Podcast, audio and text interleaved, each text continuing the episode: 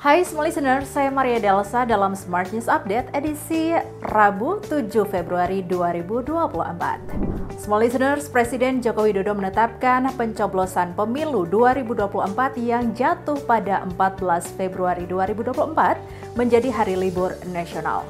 Hal ini ditetapkan pada keputusan Presiden nomor 10 tahun 2024 di mana pemerintah memberikan kesempatan kepada masyarakat untuk menggunakan hak pilih.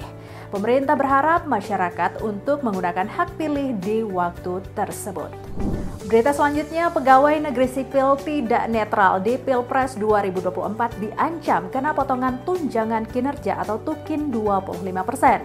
Badan Kepegawaian Negara mengatakan pihaknya sudah menerima 47 laporan pelanggaran netralitas PNS hingga 31 Januari 2024. Ada 42 pelanggaran disiplin dan lima lainnya berupa dugaan melanggar kode etik aparatur sipil negara.